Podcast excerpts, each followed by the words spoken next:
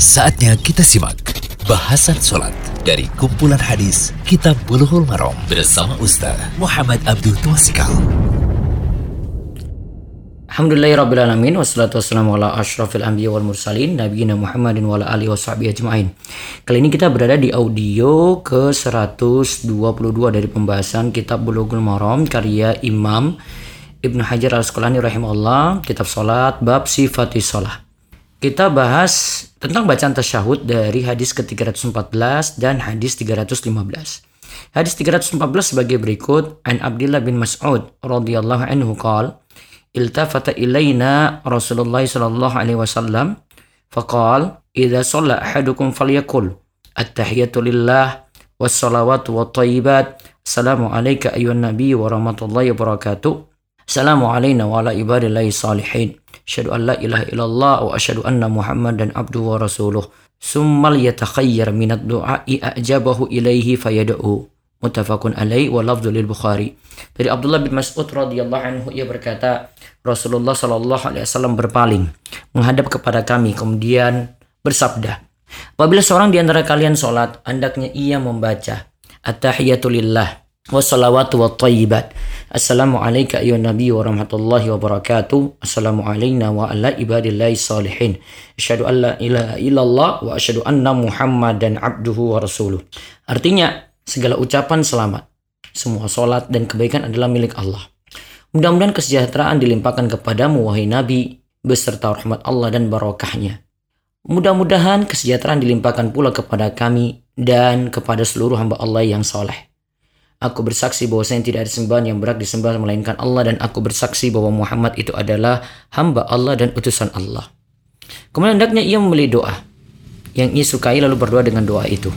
Hadis ini mutafakun alaih lafadznya menurut Imam Bukhari. Dan ada lagi riwayat wali nasa'i kunna naqulu qabla ayyufrada alaina at-tasyahud. Kami telah membaca doa itu sebelum tasyahud diwajibkan atas kami. Hadis riwayat An-Nasai dalam Al-Kubra. Hadis riwayat An-Nasai dalam Al-Kubra.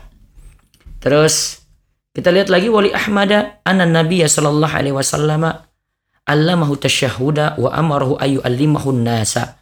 Menurut Imam Ahmad bahwa Nabi sallallahu alaihi wasallam telah mengajari tasyahud dan beliau memerintahkan agar mengajarkannya kepada manusia. Kemudian ada hadis lagi 315 wali muslimin an ibni Abbasin radhiyallahu anhu qal kana Rasulullah sallallahu alaihi wasallam yuallimuna at-tashahhuda ati at-tahiyatul barakatu as-salawatu at-tayyibat lillah ila akhirih. Menurut riwayat Imam Muslim dari Ibnu Abbas radhiyallahu anhuma. Berarti ini tasyahud dari Ibnu Abbas ya. Ia berkata Rasulullah SAW mengajari kami tasyahud yaitu baca at-tahiyatul mubarakatus salawatu lillah hingga selesai. Faedah hadis yang bisa kita ambil dari ini adalah tahiyat adalah ucapan atau perbuatan yang menunjukkan takzim pengagungan. Tahiyat kepada Allah itu lebih pantas dibandingkan tahiyat kepada yang lainnya. Berarti penghormatan kepada Allah itu lebih pantas daripada pada yang lainnya Terus alif lam pada at-tahiyatulillah menunjukkan istihqaq. Makna istihqaq artinya seluruh pengagungan hanya khusus untuk Allah saja, tidak kepada selain Allah. Begitu pula seluruh solat hanya ditujukan kepada Allah semata, baik yang fardu maupun yang sunnah. Allah pun hanya menerima ucapan dan perbuatan yang toyib. Ya, keterangannya nanti yang kedua di sini coba lihat salawat yang dimaksudkan dengan di dalam bacaan tasyahud itu adalah solat baik yang wajib maupun yang sunnah. Terus al-toibat itu adalah seluruh perkataan dan perbuatan yang ditujukan kepada Allah Ta'ala. Segala yang baik-baik dari sifat, ucapan, dan perbuatan adalah berhak bagi Allah untuk mendapatinya. Karena Allah itu toyib, baik. Begitu pula sifat, kalimat dan perbuatannya pun baik. Ibadah berupa ucapan dan perbuatan baik itu ditujukan kepada Allah. Orang yang sholat hendaklah menghadirkan makna ini saat membacanya. Tidak cukup hanya sekadar membaca zikir dan memuji saja. Ya, ini kalimat penting di sini jadi renungkan bacaan ini ketika kita sampai di kalimat at-tahiyatulillah, salawat dan at-tayyibat. Kemudian yang keempat, kata assalam, assalamu alayka ayuhan nabi, ya kan? Assalam itu bermakna selamat dari berbagai petaka dan hal yang dibenci. Maka kalimat Assalamu alaika ayuhan nabiyyu artinya mudah-mudahan kesejahteraan dilimpahkan kepadamu wahai nabi. Berarti kalimat itu mengandung doa yang berisi permintaan kebaikan dan dijauhkan dari berbagai kejelekan. Adapun domir atau kata ganti yang digunakan adalah alaika kepadamu yaitu mukhattab orang kedua. Berarti Nabi dekat dengan kita karena seperti dialog langsung gitu ya. Seakan-akan Nabi itu hadir di hadapan kita ketika mengucapkan salam ini, ya. Jadi digunakan domir mukhatab atau orang kedua, ya seakan-akan Nabi di depan kita. Ini adalah kekhususan bagi Nabi Shallallahu Alaihi Wasallam. Jadi dialog seperti ini, ini kekhususan pada Nabi SAW. Sedangkan jika dalam sholat terjadi dialog dengan makhluk, sholat menjadi batal. Doa ini mencakup keselamatan dan dari kekhawatiran dunia dan akhirat. Oleh karenanya doa ini tetap disyariatkan walaupun Nabi Shallallahu Alaihi Wasallam telah meninggal dunia. Lalu warahmatullahi di dalamnya itu ada doa rahmat kepada Nabi Shallallahu Alaihi Wasallam setelah sebelumnya didoakan agar diselamatkan dari keburukan. Dampak dari doa rahmat secara umum adalah adanya nikmat dan kebaikan pada makhluk yang tak terhitung, yang tak terhingga. Kemudian kalimat wa barakatuh, di mana barokah berarti kebaikan yang banyak dan terus menerus. Asal dari barokah adalah nama waziyadah, tumbuh dan bertambah. Maka berkah pada Nabi Shallallahu Alaihi Wasallam ketika beliau masih hidup, ingat ya, berkah Nabi kepada Nabi Shallallahu Alaihi Wasallam ketika beliau masih hidup adalah keberkahan pada makanan, minuman dan terkait urusan hidup beliau. Namun ketika Nabi Shallallahu Alaihi Wasallam telah tiada, ketika Nabi Shallallahu Alaihi Wasallam telah tiada, berkahnya adalah dengan banyaknya pengikut dan tersebarnya syariat beliau. Nah itu ingat kalau kalimat tersebut kita ucapkan maka ada dua maksud. Ada berkah ketika Nabi SAW hidup, ada berkah ketika Nabi SAW itu meninggal dunia. Terus yang ketujuh kalimat Assalamu alayna wa ala ibadillah salihin. Artinya mudah-mudahan kesejahteraan dilimpahkan pula kepada kami dan kepada seluruh hamba Allah yang soleh. Kami di sini yang dimaksud adalah orang yang sholat dan yang bersama dengannya yang bersama dengannya dalam sholat berjamaah.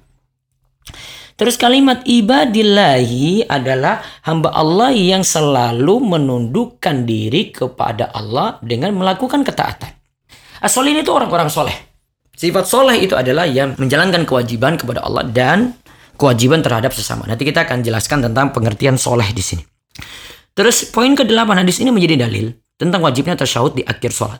Kalimatnya dalam hadis adalah kalimat perintah sehingga dihukumi wajib.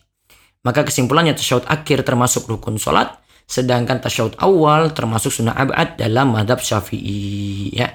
Dalam madhab syafi'i, tasyahud akhir termasuk rukun sholat berarti wajib. Sedangkan tasyahud awal termasuk sunnah abad yaitu suatu perkara yang sunnah. Terus yang kesembilan, bacaan tasyahud itu bentuknya beraneka ragam.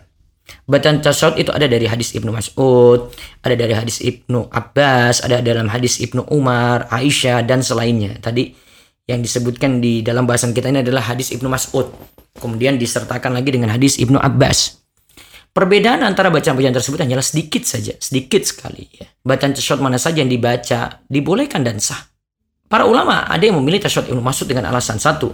Hadisnya itu mutafakun alaih, diriwayatkan oleh Bukhari dan Muslim. Dua, Nabi Shallallahu Alaihi Wasallam perhatian sekali dengan tasyahud ini hingga mengajarkannya kepada Ibnu Mas'ud sambil menuntunkannya, mentalkinnya, sebagaimana disebutkan dalam beberapa riwayat bahwa hal itu diajarkan seperti dituntunkan surah dari Al-Quran. Yang ketiga, kandungannya adalah mengagungkan Allah, menunjukkan pemurnian ibadah dengan pengucapan tasyahud berisi tauhid dan ittiba. Nah, ini di sini ya. Kandungannya adalah mengagungkan Allah, menunjukkan pemurnian ibadah dengan pengucapan tasyahud berisi tauhid dan ittiba. Jadi menunjukkan pemurnian ibadah dengan pengucapan tasyahud berisi tauhid dan ittiba yaitu mengikuti petunjuk Rasul, juga berisi berserah diri, kasih sayang, keberkahan pada Nabi Shallallahu Alaihi Wasallam. Kemudian alasan keempat hadis Ibnu Mas'ud ini dipilih untuk bacaan tasyahud adalah ada doa keselamatan ditujukan kepada orang yang sholat dan umat Islam secara umum serta hamba Allah yang soleh di langit dan di bumi. Baik, terus yang ke-10. Disunahkan bagi orang yang sholat berdoa di akhir tasyahud dengan doa yang ia sukai. Namun doa yang paling bagus adalah doa yang diajarkan oleh Nabi Shallallahu Alaihi Wasallam ba'da tasyahud sebelum salam. Jadi ada dua-dua tertentu yang Nabi SAW itu ajarkan. Doa yang dipanjatkan bisa berisi permintaan kebaikan dunia dan akhirat karena ingatlah doa secara umum adalah ibadah. Kemudian faedah yang berikutnya lagi, perintah doa ba'da tasyahud. Ini adalah sebelum adanya keterangan wajib bersolawat. Jadi kan urutannya harusnya tasyahud dulu, baru solawat, baru doa. Namun eh, perintah yang awal itu adalah uh, doa itu ba'da tasyahud. Ini adalah sebelum adanya keterangan wajib bersolawat setelah tasyahud. Ya, tepat nantinya kita baca solawat dulu, ya setelah tasyahud, baru kemudian doa. Ya penjelasan mengenai ba'da tasyahud akan datang penjelasannya insya Allah. Terus yang ke-12 disebut tasyahud karena dalamnya ada penyebutan syahadat tauhid dan kenabian. Terus yang ke-13 tahiyat hanya boleh ditujukan kepada Allah saja, tidak boleh kepada selain Allah. Kemudian ke-14, wasilah atau perantara berupa penyebutan ibadah didahulukan daripada meminta doa. Jadi kita pakai perantara dulu, menyanjung Allah, memujinya, baru kemudian masuk dalam isi doa. Kemudian yang ke-15, Ya, pengajaran Nabi Wasallam pada Ibnu Mas'ud mengenai tasyahud ini, lalu beliau perintahkan untuk mengajarkannya kepada yang lain, menunjukkan tentang kewajiban membacanya dan sangat pentingnya untuk dibaca. Adapun tentang orang soleh ada fawaid seperti ini. Saat kita tasyahud kita sering kali kan membaca Assalamualaikum warahmatullahi wabarakatuh. Artinya salam untuk kami dan juga untuk hamba Allah yang soleh. Disebutkan dalam lanjutan hadis, fa innakum kultumuha asobat kulla abdin lillahi salihin fis sama'i wal. Jika kalian mengucapkan seperti itu, maka doa tadi akan tertuju pada setiap hamba Allah yang soleh di langit dan di bumi. Solihin itu adalah bentuk plural dari soleh. Ibnu Hajar berkata, soleh sendiri berarti al-qa'im bima yajibu alaihi min hukukillahi wa hukuki ibadi wa tafawud darajatihi. Orang yang eh, dimaksudkan soleh itu adalah orang yang menjalankan kewajiban terhadap Allah, jadi terhadap Allah dan kewajiban terhadap sesama hamba Allah. Kedudukan soleh pun bertingkat-tingkat. Ya, jadi itu pengertiannya. Jadi ada hak Allah itu kewajiban terhadap Allah yang dijalankan dan juga ada kewajiban terhadap sesama yang dijalankan. Jadi tidak hanya pentingkan ibadah orang soleh itu. Namun ada hubungan baik dengan sesama pula. Lalu At-Tirmizi Al-Hakim berkata, "Man arada ayyahza bihadza salami allazi yusallimuhu al-khalq." fi salati falyakun abdan salihan wa illa hurrima hadzal fadl azim. Dalam Fathul Bari disebutkan siapa yang ingin meraih ucapan salam yang diucapkan oleh setiap orang yang sedang sholat, maka jadilah hamba yang soleh. Jika tidak, maka karunia yang besar berupa doa selamat tadi diharamkan untuk diperoleh. Maka kuncinya adalah kita jadi orang yang soleh, berusaha jadi orang yang soleh. Seperti ketentuan tadi yang sudah disebutkan. Terus Al-Fakihani berkata, yang bagi lil musolli ayyastahdira fi hadzal mahal jami'al anbiya'i wal malaikati wal mu'minin. Yakni liyatawafaqa lafzuhu ma'a qasdihi. Setiap orang yang sholat, baiknya menghadirkan hati dalam sholatnya, yaitu ia mendoakan selamat untuk para nabi, para malaikat, dan orang-orang yang beriman. Hal ini agar bersesuaian antara lafaz doa dan yang ia maksudkan. Intinya hamba yang soleh bukanlah yang hanya memperhatikan ibadah saja, bukan hanya memperhatikan sholat dan zikir, hamba yang soleh juga punya hubungan yang baik dengan sesama. Karena demikian Nabi kita yang mulia diutus Nabi SAW bersabda Inna ma bu'istu li utammima salihal akhlak Sungguhnya aku diutus untuk menyempurnakan baiknya akhlak Maka hamba soleh juga berbakti pada orang tua tidak durhaka kata-katanya dijaga eh, ketika berbicara dengan istri tidak kasar ya tidak memutuskan hubungan silaturahim dan tidak berakhlak buruk dengan kaum muslimin yang lainnya. Semoga jadi ilmu yang manfaat. Demikian bahasan sholat dari kumpulan hadis kitab bulughul maram bersama Ustaz Muhammad Abdul Tuasikal